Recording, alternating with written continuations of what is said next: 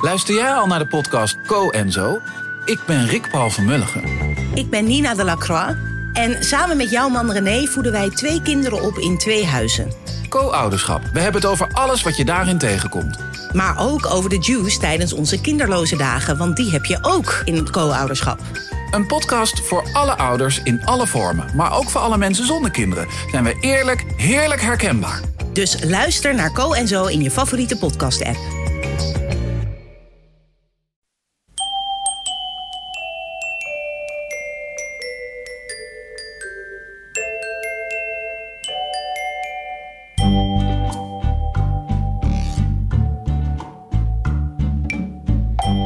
Bij aflevering 271 van Echt Gebeurd. De podcast waarin waargebeurde verhalen worden verteld door de mensen die ze zelf hebben meegemaakt. In deze aflevering een verhaal van Jaus Muller. Hij vertelde het in januari 2017 bij ons tijdens een verhalenmiddag met als thema Van mijn geloof gevallen.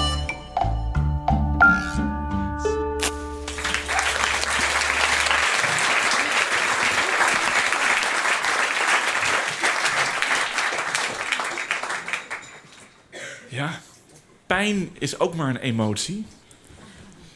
En emotie kun je uitschakelen. Dat klinkt heel raar, maar dit is wel wat ik geleerd heb. En dat is zelfs ook waar ik in geloofd heb. Ik ben namelijk, je zou het misschien niet meteen zeggen, maar militair bij de landmacht. En ik heb vier jaar geleden de militaire opleiding gedaan tot officier.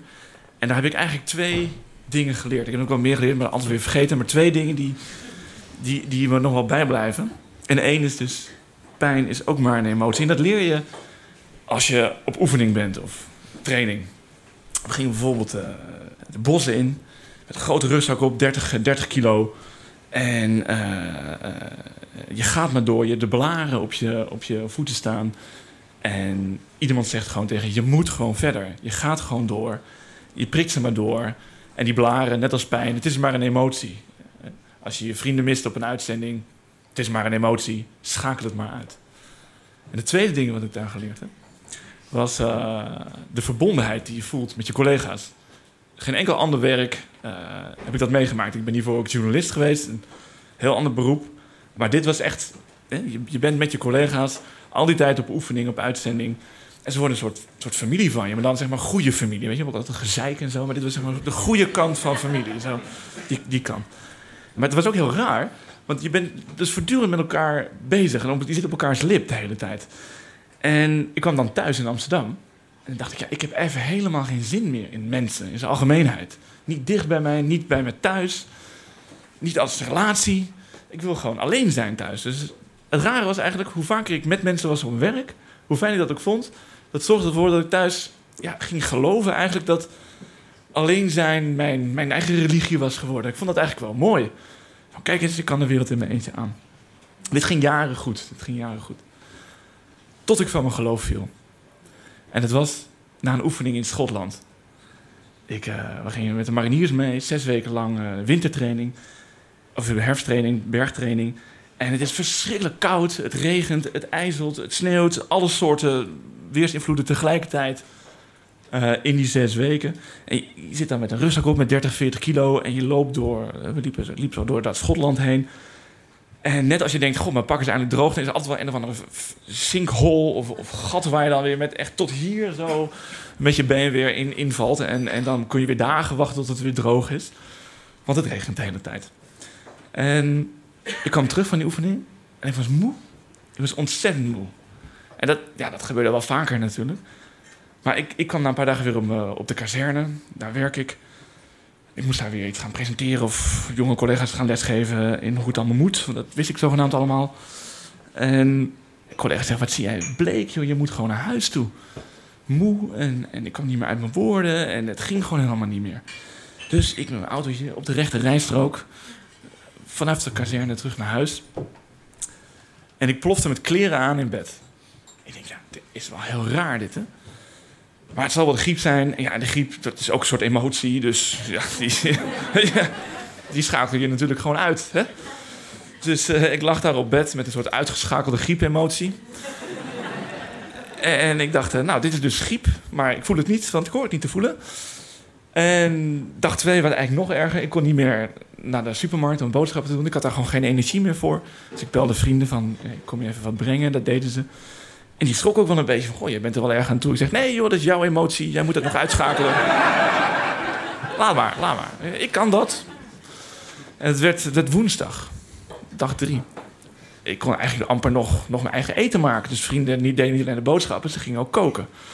En er zei niet iemand, iemand zei ja, moet je niet toch eens een keer naar de huisarts? Ik zeg, nee, eh, ik ben gewoon bezig dat allemaal uit te schakelen, laat maar. En op de vierde dag belde ik eh, toch even mijn best, een van mijn beste vrienden. En die is, eh, die is, die is arts.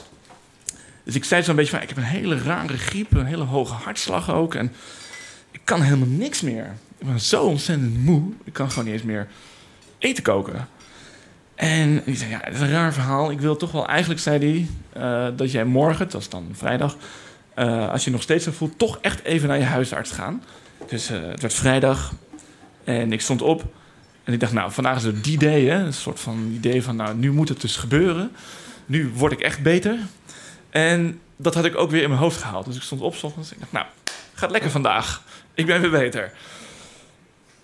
Probeer naar de douche te gaan, maar zelfs dat was te veel. Ik denk, ja, ik moet ook nog even uitrusten en eh, ik ga echt wel naar die douche. Nou, dat ging eigenlijk niet meer. En eh, ik dacht, dit, dit, wat is er aan de hand? Ik, ik, ik, moest, ik woon niet in een kasteel of zo. Het is gewoon een heel klein Amsterdamse huis. Gewoon een slaapkamer, een halletje en een douche. Het is een afstand van twee meter, maar het voelde als, als een vierdaagse in Nijmegen. En ehm, ik dacht, ja, ik, ik moet toch naar die huisarts. Dus ik belde eind van de ochtend. Ik gaf eigenlijk toe dat ik het toch niet meer kon uitschakelen, dat gevoel. En ik was natuurlijk alleen, want daar geloofde ik ook in. Dus ik moest het allemaal in mijn eentje oplossen. En toen belde ik de huisarts en die zei... ja, raar verhaal dit. Eh, ja, een week geleden zit je nog eh, op oefening en nu kun je helemaal niks meer. Kom maar even snel langs. Ik zei, dat is goed, kom eraan. Ik had opgehangen, ik dacht, ja... niet eens mijn eigen douche kan bereiken. Hoe kom ik dan naar de huisarts? Eh, Dat gaat niet goed. Dus ik, ik belde even wat vrienden. Mijn stond voor de deur. Ik zeg, ja, eh, mijn ouders voor de deur en, en ik ben de huisarts. Die zegt van, ja, maar dit is toch bij jou om de hoek? Ik zeg, ja, maar gaat even niet. Want gaat niet. En, eh, maar ja, iedereen was aan het werk en, en toestanden en toestanden. En toen, ja, ik zat op mijn telefoonboekje te bladeren van wie moet ik nou eens bellen. En, en, en toen, ja, ik had niemand meer, want ik was alleen. En toen belde ik de allerlaatste persoon die in dit soort situaties moet bellen. En het is mijn vader. Je moet dat nou weten, is ongeveer geen grotere hypochonder op aarde dan mijn vader. Dus ik, ik, ik, ik belde en hij zei, en hij, hij is met pensioen. En eh, ik, ik belde hem en eh, hij nam op. En hij stond natuurlijk op de tennisbaan. Dat doe je als je met pensioen bent. En hij zei, ik kom er meteen aan. Was ook wel geschrokken. En eh, nou, hij komt, rijdt aan met het autootje. Stormt ongeveer de trap op. En ziet mij in bed liggen. Helemaal bleek. Dat was na de zomer, dus ik was nog wel een beetje bruin. Maar dat was helemaal weggetrokken. En als je dan bruin met wit mengt, dan krijg je een soort geel. Dus zo zag ik eruit. En mijn vader, niet gehinderd door enige medische kennis van zaken, die zei: Hepatitis. Ja, want je bent ook homo. Dus ja, weet je, het maakt allemaal niet uit. Dat is allemaal goed. Maar eh, ja, wel, laten we ook de dingen benoemen, ook zoals ze zijn. En eh, het is ook helemaal niet erg. We gaan, dit, we gaan dit oplossen. We gaan dit oplossen. We gaan dit oplossen. Hepatitis. Ik zeg: Nou, pap, laten we naar de huisarts gaan. Hè? Eh, die zoekt het uit. Dus in de auto. Daar viel ik ergens een beetje flauw. Of, of ik viel om. Of ik weet het allemaal niet meer. En die huis- huisarts zei... Ja, dit, eh, dit heb ik ook nog nooit gezien. Ik wil echt dat je nu naar het OLVG gaat. Het ziekenhuis hier in Amsterdam. Dus eh, ik daarheen. En, eh, en mijn vader natuurlijk alweer van... Ja, wat, eh, hepatitis, hoe hoe is dat te genezen? En gaat het allemaal nog wel? En, ja, is het niet zo dat homo's dat ook vaker hebben en zo? Zie je wel. En ik had het altijd al gedacht. En nou ja... Goed, dus wij naar het ziekenhuis. Nou, daar een hele checklist hè, van wat is er allemaal aan de hand. Röntgenfoto's gemaakt, daar viel ik nog een keer flauw. En, en, en ja, arts zat naast mijn bed. Die zegt, ja, ik weet het ook niet zo goed. Bloed werd afgenomen. En de arts ging even weg. En mijn vader zei, ja, ehm, je moet wel even vertellen dat je homo bent, hè? Want ja, jullie hebben ziektes en zo. En eh, je wel, ja, ik vind het ook helemaal niet erg, zei hij. En dat maakt ook, is ook allemaal gewoon prima, maar je moet het wel even zeggen. Ik zei, papa, dat is een arts, die, die man die kijkt gewoon naar de situatie en dat zal verder wel. Maar het was ook een moment dat ik dacht tegen, tegen mijn pa van, nou, het is beter als je nu even weggaat. Hij ging ook een boekje halen namelijk. Ja, ik moet hier misschien even zitten. En ik, ik had van hem heel aardig, voor mijn verjaardag, een, een boekje gekregen van Ad Verbrugge. Is filosoof, socioloog, filosoof. En het heette Staat van Verwarring, het offer der liefde of zoiets. En dat ging eigenlijk over ehm, dat we met z'n allen niet meer in staat zijn om liefde te ontvangen. Uh, dus hij zei van ja, dat is misschien voor jou, dan krijg je een keer een vriend. En dat is, uh, je wil altijd maar alleen. En dus ga maar lezen. En ik weet nog dat ik dat, dat had gelezen zo. En dat ik helemaal had volgekrast met allemaal. Ik, dit, dit klopt niet. En dit is ook niet waar. En conservatief en gelul. Ik was gewoon blij mee eens. Dus hij ging dat boek halen. En ondertussen kreeg ik de bloeduitslag van de arts. En het was geen hepatitis. Het was ook niet wat het ook wel had kunnen zijn. En zei, ja, je hebt gewoon geen bloed meer. Iemand heeft, normaal heb je 6 liter bloed. En mij, ik, had, ik had er maar 1 liter over. Het was gewoon 5 liter gewoon... Ik was gewoon kwijtgeraakt ergens. En dat kan dus. En uh, zei, ja, uh, je hebt normaal een bloedwaarde van 9, uh, hemoglobine, ja, iets zoiets. En je hebt 1,1.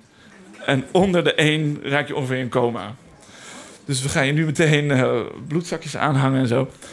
Dus dat hing er zo aan. En het voelde echt alsof de batterij gewoon aan je snellader ligt. Weet je wel? dus, uh, dus, dus, ik dacht, uh, zat er allemaal weer in. Ik denk, nou, dankjewel arts. hey, we gaan weer naar huis. Hè? Alles doet het weer. En ik zei, nou, we gaan wel even onderzoeken hoe dit werkt. Want ik raak niet zomaar 5 liter bloed kwijt terwijl je het niet ziet.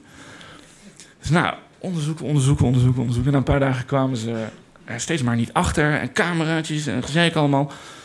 En toen ze het gevonden. Ik bleek op oefening waarschijnlijk gewoon te veel hebben geschranst. Gewoon te veel reten of iets van glas. Er was namelijk een heel klein stukje glas ergens tegen aangeraakt. En dat had gewoon een bloedvaat intern ergens leeg getrokken. En terwijl ik het niet wist, was ik gewoon een beetje in mijn eentje thuis aan het leegbloeden. Terwijl ik de griep aan het wegdenken was. Maar ik lag daar in het ziekenhuis en uh, hoe kunnen we dit oplossen? En ik, ik, las daar toch nog eens een keer dat boekje eigenlijk van Ad Verbrugge. En ik zag al die boze hanenpoten van mezelf en dacht even van ja, klopt het eigenlijk wel? Al die boosheid. Zo is het niet gewoon mooi om met iemand te zijn. En wat heb ik toch al die tijd mezelf aanlopen stellen? Leuk hoor, dat alleen zijn, maar ik zat er maar gewoon in mijn eentje een beetje dood te bloeden. Is dat, is dat dan de definitie van zelfstandigheid? En het tweede was, nou ja, misschien moet ik toch maar eens een keer naar mezelf luisteren. En niet altijd maar denken dat pijn een emotie is of griep een emotie. Maar dat je A ook wel eens gewoon pijn mag hebben en ook wel eens wat emotie mag tonen. Dat was een verhaal van Jaus Muller. Jaus vertelde vaker bij Echt Gebeurd. In aflevering 151 van deze podcast kun je een ander verhaal van hem beluisteren. Echt Gebeurd is normaal gesproken een maandelijkse verhalenmiddag in de Amsterdamse comedyclub Toemler. Maar er kwam het afgelopen half jaar niet veel van die middagen terecht. En helaas hebben we ook de geplande verhalenmiddag van komende zondag moeten annuleren vanwege de coronamaatregelen. Op dit moment is Echt Gebeurd dus vooral een podcast. Luister jij elke week met plezier naar onze verhalen? Overweeg dan eens om Echt Gebeurd een positieve beoordeling te geven in je podcast-app. Want jouw positieve beoordeling levert ons weer meer nieuwsgierige podcastluisteraars op. Je kunt het natuurlijk ook rechtstreeks er aanpakken door gewoon podcastluisteraars die je kent op onze podcast attent te maken. De redactie van Echt Gebeurd bestaat uit Miga Wertheim, Rosa van Toledo, Maarten Westerveen, Sander Pols en mijzelf, Paulien Cornelissen. De productie doet Eva Zwaving, zaaltechniek voor deze aflevering deed Nicolaas Vrijman. De podcast wordt gemaakt door Gijsbert van der Wal. Dit was aflevering 271. Tot volgende week en onthoud in de tussentijd: emoties die zijn er zodat je ze uit kunt schakelen.